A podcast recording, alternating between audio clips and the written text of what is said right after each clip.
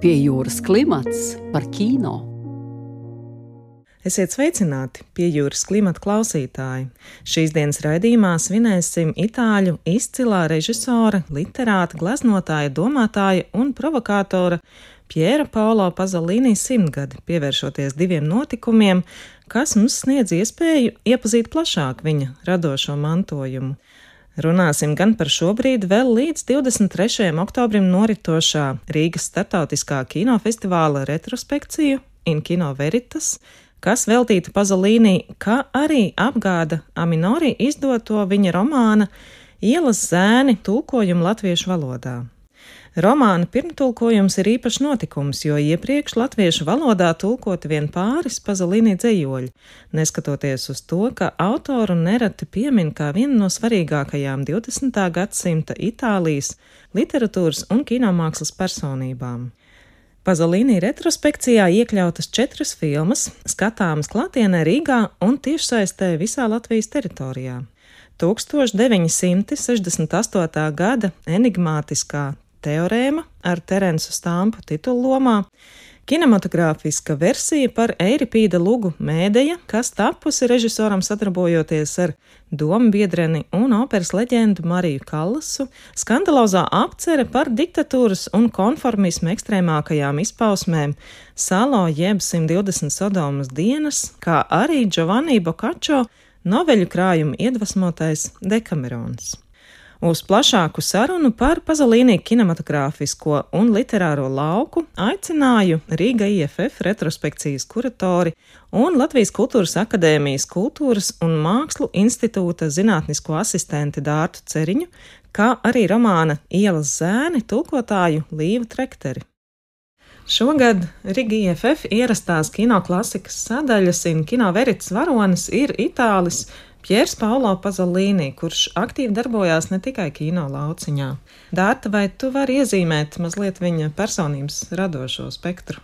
Protams, filmas konkrēti šajā gadījumā tās ir četras iezīmēt tos galvenos artikulus, motīvus, ne tikai Pazolīnī kinomākslas arī ceļos, bet arī literārajos ceļos. Viņa dzīves redzējums, kas laika gaitā ir ārkārtīgi mainījies, viņš ir 40. gadu vēl sākumā bijis tāds fašismu piekritējis, tad izteikts komunists, tad kritizējis komunistu kristiešu partijas arī Itālijā. Pamazām izveidojis tādu ļoti īpatnēju savu pasaules redzējumu tvērumu, savijot šos arī kristietiskos, reliģiskos motīvus, interesi par vienkāršiem ļaudīm, par tām mazajām dzīvēm. Un arī, protams, apvienojas mītus vai tādus pārlaicīgus vēstījumus vai tādu arheoloģisku interesi rakties pagātnē. Un, manuprāt, šie visi četri darbi, arī tiem, kas nav pazīstami viesveidīti Pazolīnī daļradē, sākot ar teorēmu, mēdēju, dekameronu un salo, arī rada tādu, manuprāt, koncentrētu iespaidu. Kā Pazolīnī filmas iekļāvās tā laika Itālijas un Eiropas kopumā kino ainavā? Zīmīgi jau ir tas, ka viņš eh, ienāk kino telpā tieši no literatūras. Viņš vairākus eh, gadus vēl pirms savas debijas filmatrāžā, kas ir Akatone, 1961. gads, rakstīja diezgan daudz dzējuļu, strādāja arī kā redaktors eh, vairākos izdevumos, tāpat arī bija skolotājs. Tad 50. gadu vidū, ienākot jau Romā un sadraudzēties ar Federico Felīni, un viņš arī viņu aicināja strādāt pie kabīrijas nakts dialogu nopulēšanas, tieši Pazolīnī pārzināja šo Romas dialektu. Tad pamazām viņš arī vēl pēc tam strādājot arī kino nozarē ļoti, ļoti, ļoti tādiem smalkiem solīšiem, tad um, kaut kā pārmanto savā ziņā to itāļu neorealismu, kas ir šī te pēckara realitātes skaudruma tāda esence, lai gan pats arī ļoti kritizējis tieši šo estētisko fenomenu kā tādu. Es domāju, ka arī akatone, kā filma, tā arī literārais darbs faktiski ļoti labi salāgojas ar šo fenomenu. Bet tomēr laika gaitā viņš tiešām, kā jau arī minēja, tad rod tādas inspirācijas šajā dievišķajā, teoloģiskajā, reliģiskajā, mitoloģiskajā arī pasaulē un faktiski novietojot cilvēku tieši pašā centrā, kas liekas ļoti arī, liekas, zīmīgi, un tajā mirklī kaut kā viņš nodalās no Eiropas kopējās kino gaitas un izdalās jau kā tāds tiešām spilgts autors, kuram, manuprāt, arī īsti nav tādu konkrētu priekšteču vai arī pēcteču. Dārta, pēc kādiem principiem vadoties, tu veidoji festivālā iekļauto Pazolīnī filmu izlasi?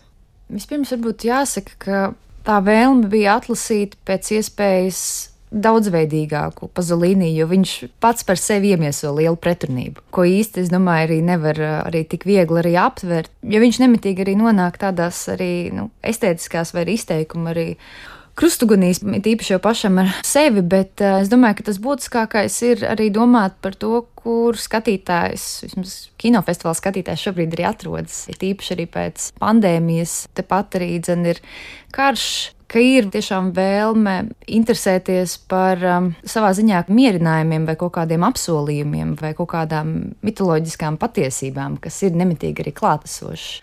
Un tas savā ziņā arī ir caurvījis gan teorēmu ar šo tādu tā kā svešinieka dieva arī atnākšanu, faktiski izmainot visu cilvēku dzīves šajā filmā. Vai arī tas pats arī Dekamerons, es domāju, tā ir grāmata, pēc kuras arī mēs sniedzāmies pandēmijas laikā, un ir interesanti arī mazliet izkāpjoties jau arī ārā ieraudzīt vismaz šo, manuprāt, vienu no labākiem arī pazalīnī darbiem. Pirmajā festivāla nedēļas nogalē Pazolīnija retrospekcija atklāja viņa filmu Teorēma. Un vēl viena filma, kuru varam paspēt noskatīties joprojām tiešsaistē mēdēja ar leģendāro operas divu Mariju Kallas titulu lomā.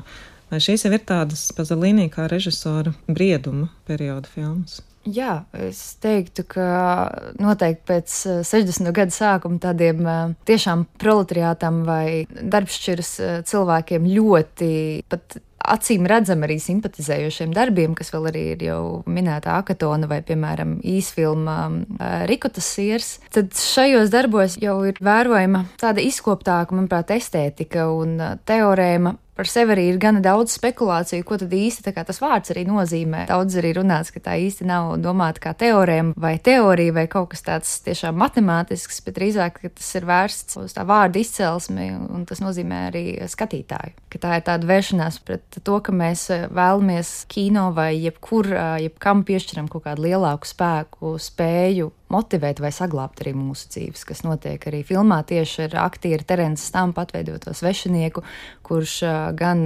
ticīgo kalponīti pievērš pārdabisku rituālu arī veikšanai un faktiski tā kā sakārto šo te dzīvi vai šo te Annas Jezemskas atveidoto meitu arī kaut kā izlauž no šī te vecāku pasargātības situācijas. Un jā, un savā ziņā arī mēdēji, kas ir vēl, manuprāt, interesantāks darbs, jo tā tiešām ir filma, tāda benefice Marijai Kalasai.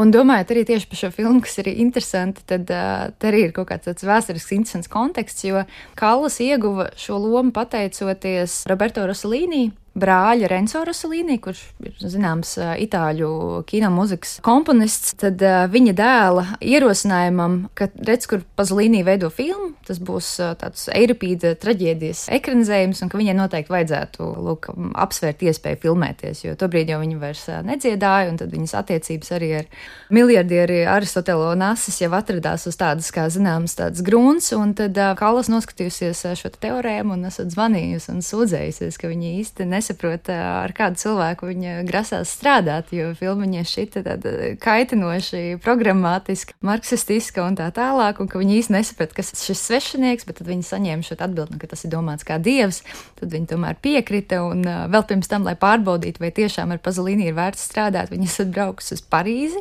un tikusies ar zilniekiem, ar astrologiem. Pazolīnī to zinādams nekādi neizsmēja vai kritiski neskatījās uz viņu, bet uzskatīja, ka viņa ir garīguma meklējošs cilvēks, kas ir ir ļoti labi. Un tā nu laika gaitā izveidojās jā, viņa šī draudzība. Filmēšanas laikā viņi tiešām bija nešķirami, un šī tiešām, manuprāt, cilvēciskā mīlestība, kas ir uh, mēdējā redzama, kā tiek rādīta kaulas, uh, kā viņas varoni arī tiek interpretēta faktiski apstākļu upuri vienlaikus un arī faktiskā šis gribas cilvēks. Un to, manuprāt, arī skatītājs var arī notvert un fiksēt, un kas ir zīmīgi, jā, viņiem izveidojas šī draudzība.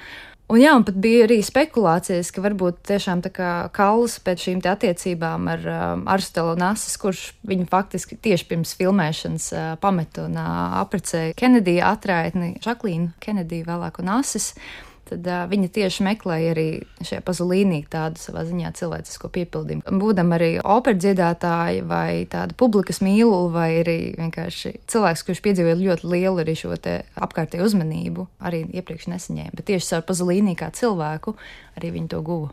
Vēl viens no retrospekcijas atklāšanas notikumiem bija Pazolīnī romāna Ielas zēni, tulkojuma latviešu valodā atvēršana. Līva, vai ir kāda priekšvēsture, kādai tu izvēlējies tulkot tieši šo darbu, vai lēmumam pamatā bija tava interese par Pazolīni kino? Mēs sākām sadarbību ar izdevniecību Aminārī, tulkojot kā pirmo grāmatu kino režisora Felīnī grāmatu, un tad uh, tas manī raisīja interesi par itāļu slaveno režisoru rakstu darbiem, jo gan Felīni izrādījās lielisks rakstnieks. Esmu pētījusi arī Antonioni grāmatas. Ir ļoti daudz literatūras, kas ir nākušas no šiem kino dižgariem, un uh, Pazolīni savukārt, lai gan latviešu skatītājiem pazīstams kā režisors, itāļiem viņš ir pirmkārt pazīstams kā dzējnieks un kā rakstnieks, jo savu karjeru viņš sāka ar pirmo dzējas krājumu 18 gadu vecumā. Jā, un latviski līdz šim nebija tulkots nekas no Pazolīni darbiem. Tādēļ arī izvēlējāmies. Jā. Federico Felīni veidot dzīvi un Pazolīni ielas zēni. Kāds bija abu šo grāmatu tulkošanas process? Drīzāk radniecīgs vai nē? Kā atšķiras Felīni un Pazolīni rakstu valodas maniera? Pirmkārt, jau Felīnī darbs ir daļēji autobiogrāfisks, tāpēc tas tulkošanas process arī bija daudz citādāks. Atceros, ka tulkojot Felīnī grāmatu, grāmatā ir ļoti daudz atsauces jo bija ļoti daudz kultūrālas informācijas, kas lasītājiem vienkārši nebūtu zināmas. Tāpēc pēc tā Felīnī tulkojuma es domāju, nu, ja šito mēs esam iztulkojuši un ja viņš ir saprotams un lasāms, nu, tad jau nevajadzētu būt nākamajam tulkojumam tik grūtam, un tad mēs dabūjām pazolīni. Galvenais ar Pazolīnu bija tas, ka viņš nevienmēr raksta itāliski. Tāpat kā viņš savās filmās izmanto romiešu dialektu, arī kā Dārta pieminēja Felīnī kabīrijas naktīs, viņš bija uzaicināts rakstīt to dialogu daļu, kas ir romiešu dialektā. Tāpat arī grāmata daļēji ir uh, romiešu dialektā, un kad es sāku tulkot, es pārtulkoju dažus pirmos teikumus, un es pēkšņi ieraugu nākamo teikumu, un es saprotu, ka es šo valodu nezinu. un es nezinu, ko viņš saka. Un uh, itāļu izdevuma beigās vispār arī ir vārnīca, kas ir itāļu romiešu vārnīca. Un pēc tam es arī apspriedos, jo, kad es tulkoju grāmatu, tad es uh, tajā brīdī studēju Itālijā un apspriedos ar uh, draugiem, dzīvokļu biedriem. Un uh, man viena dzīvokļu biedrene tieši arī atzinās, ka viņa ir sākusi lasīt ielas zēnus, bet pusceļā padavusies, jo tā nav itāļu valoda un vienkārši palika pārāk grūti izsakot līdzi. Tad tur bija tas izaicinājums ar uh, pazulīniem. Kas ir ielas zēnu varoņi? Ielas zēnu varoņi ir. Uh, Romas tā sauktā skrandu proletariāta pārstāvji, kas ir būtībā zemākā sabiedrības šķīra, tajā skaitā prostitūtas, narkomāni, bezdarbnieki. Bet uh, interesanti, arī Pazlīnī pats ir teicis, kāpēc viņš filmās, gan filmā Katona arī tas ir labi redzams, gan uh, savā literārajā darbā, kāpēc viņš izvēlās tieši šos varoņus, ir tas, ka viņš uzskata, ka viņi ir vienīgā sabiedrības daļa, kas ir patiesi brīvi, kurus nav uh, demoralizējusi industrializācija un uh, visādas laikmetīgās tendences, un ka viņi ir vienīgie, kas var būt patiesi un brīvi. Kas varētu būt ielas zēnu lasītājs, kādu tu redzi grāmatas autorī, vai tur ir nepieciešams, teiksim, priekšzināšanas kino? Es domāju, ka priekšzināšanas kino noteikti cilvēku pamudinātu šo grāmatu paņemt un lasīt, esot pazīstamam ar uh, Pazolīnī kino, taču būtībā lasīšanai tas itin nemaz nav nepieciešams. Tas ir lielisks literārais darbs, arī pilnīgi atšķirti no kino. Tam nav jāiet roku rokā obligāti. Vai jūs saredzat uh, kaut kādu saistību starp Pazolīnī rokrakstu kino un literatūrā? Daudzos viņa darbos, atkal salīdzinot, teiksim, ielas zēnus un šo akatoni, varoņi tiek izmantoti vieni un tie paši būtībā. Tā telpa un laiks ir viena, un tā pati tās risinātās problēmas arī ir līdzīgas sajūta. Noskatoties filmu un izlasot grāmatu, manuprāt, ir ļoti līdzīga. Lai gan tās nav nekādā veidā savstarpēji saistītas, stāsti ir dažādi. Caur kino, um, domājot par um, līdzībām vai paralēlām literatūrām, tas, kas noteikti ir, protams, Pazolīni arī daudz ir teoretizējis un rakstījis, un viņš arī ļoti vēlējies arī apliecināt. Kā kinoteorētiķi un semiotiķi, tuvinot filmu veidošanas praksi dzējai, viņam pašam arī, es domāju, arī Līva ir gan daudz arī lasījis par Pazolīni, viņa iecīnītākais autors ir Arturs Rembo. Un tieši viņa arī mēģinājumi veidot šos vizuālos tēlus, tāpēc viņš ļoti daudz arī par tēlzīmēm ir runājis. Es domāju, ir kaut kas tāds, kas tieši arī tuvina arī šāda veida teksta veidošanai. Un tas arī ir interesanti, arī piemēram teorēmā Terence Stampa varonis, kad viņš Milāna industriālistu ģimenes pagalmā arī sēž, lasa un kūpina savu cigareti, viņš lasa tieši ar to Rembo. Un daudzās filmās tieši parādās varoņi, kuri lasa tieši ar to Rembo. Kinoteātrī Klātienē mēs vēl varam paspēt noskatīties divas diametrāli pretējas noskaņā filmas eh, Salo, jeb 120 Sodomas dienas un Dekamerona. Dārta, vai šīs filmas ir aktuāls uh, joprojām? Jā, es domāju, ka mm, Dekamerona tāds dzīves prieks, kas ir filmā, es teiktu, jo tie ir tādi adaptējot arī Bokačo īsos stāstus, ir saglabājis šo te interesi par cilvēku, kuram ir miesa un viņa ķermeni, un kā cilvēks pieredz prieku, iekāri, bailes, sociālo statusu atšķirības, un tas viss iet caur ķermeni. Manuprāt, tā ir tāda oda cilvēka miesas nolemtībai savā ziņā, bet ar tādiem ļoti, man liekas, siltiem un tādiem glāzmēniem akordiem. Un domājot savukārt par salo, kas ir kaut kas pilnīgi kardināli, diametrāls un savā kritikā arī tāds ekstrēms darbs, tur arī ir faktiski tā pati cilvēka miesa un ķermenis bet jau tādā eksploatējošā arī manierē. Un es domāju, ka tā filma ir um, kādam, kas varbūt uh, nav lasījis Marķijas Desādu, jo filma ir daļēji balstīta arī viņa tajā romānā. Ir, uh, es domāju, būs tāda neliela šoka doktrīna. Arī man pirmo reizi noskatoties diezgan vēlu, patiesībā sakot, kādos 20 gados šo filmu, tā atstāja ļoti, ļoti spēcīgu iespaidu. Pazolīnijas svinību noskaņās Dats Meijer ir iztulkojis viņa esēju dzējas kino tulkojumu, kas ir pieejams portālā Kino raksti. Kad radās šis darbs un kāda tam ir nozīme kinoteorijas tekstu visumā? Šis teksts ir tapis 1965. gadā.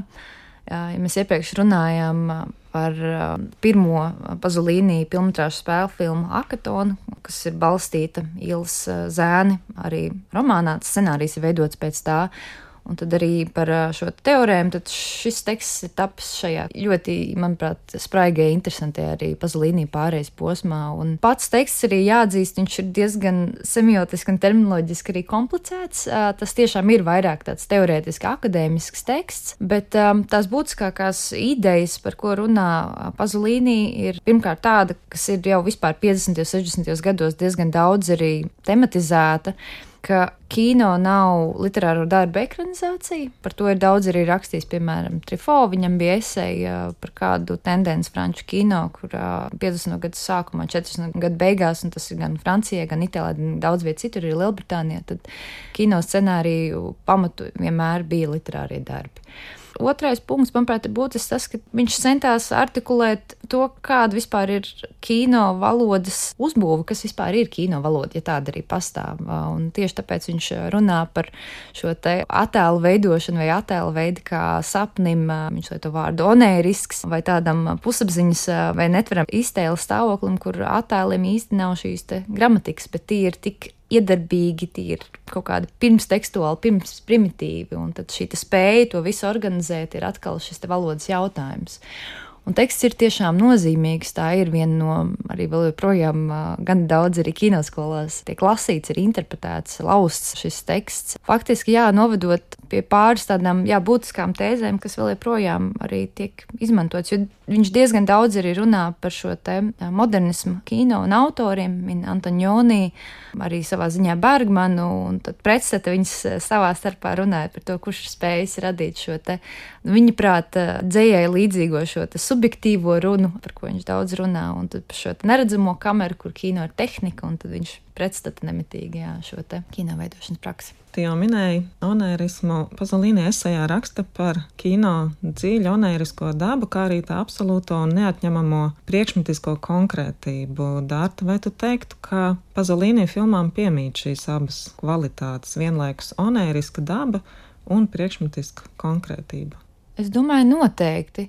Bet, lai orientētu arī klausītāju, tas ir ļoti, manuprāt, interesanti, ka viņš tiešām runā par priekšmetisko pasauli vai materiālo pasauli. Tad uh, viņš, piemēram, uh, salīdzina Michelangelo Antonioni, kurš ir tiešām šis priekšmetu nu, tāds ļoti izkopts vizuālās vidas tāds fetiša piekritējs. Tad, piemēram, Bernardo Bertolucci, arī viņa laika biedrs, ir kāds, kas kā ilgojas, ka ir pazaudējis šo priekšmetisko pasauli. Un tad atkal viņš arī runāja par citiem autoriem, kuros vienkārši pats kino process kļūst par savā ziņā tādu priekšmetu. Es domāju, ka arī Pazolīnī teicami izprata šo literāro dzīslu pieredzi par to, cik trāpīgi veidojot apzīmētājs, ir iespējams radīt lasītājai iespēju kaut kādu vizuālu attēlu. Un kino savā ziņā viņš skata no otras puses, ka ar konkrētiem attēliem ir iespējams radīt kaut kādas ļoti precīzas nozīmes, bet vienlaikus viņas nav fiksētas. Un tā ir tā kino savā ziņā tā problēma, viņa prāt, ka šiem attēliem nav viens stabils kaut kādas nozīmes. Un kaut kāda šie priekšmeti arī palīdz, es domāju, arī orientēt, tā kā iegremdēt kaut kādu arī šo te kadru arī vai ainu arī jēgu. Tā kā jā. Paldies jums par sarunu un par šo rudeni. Pazolīnī noskaņās studijā viesojās Līva Trektere un Dārta Ceriņa. Pie jūras klimatu vadīja Sonora Broka un Monteja Judīta Bērziņa. Raidījums tapis ar valsts kultūra kapitāla fonda atbalstu.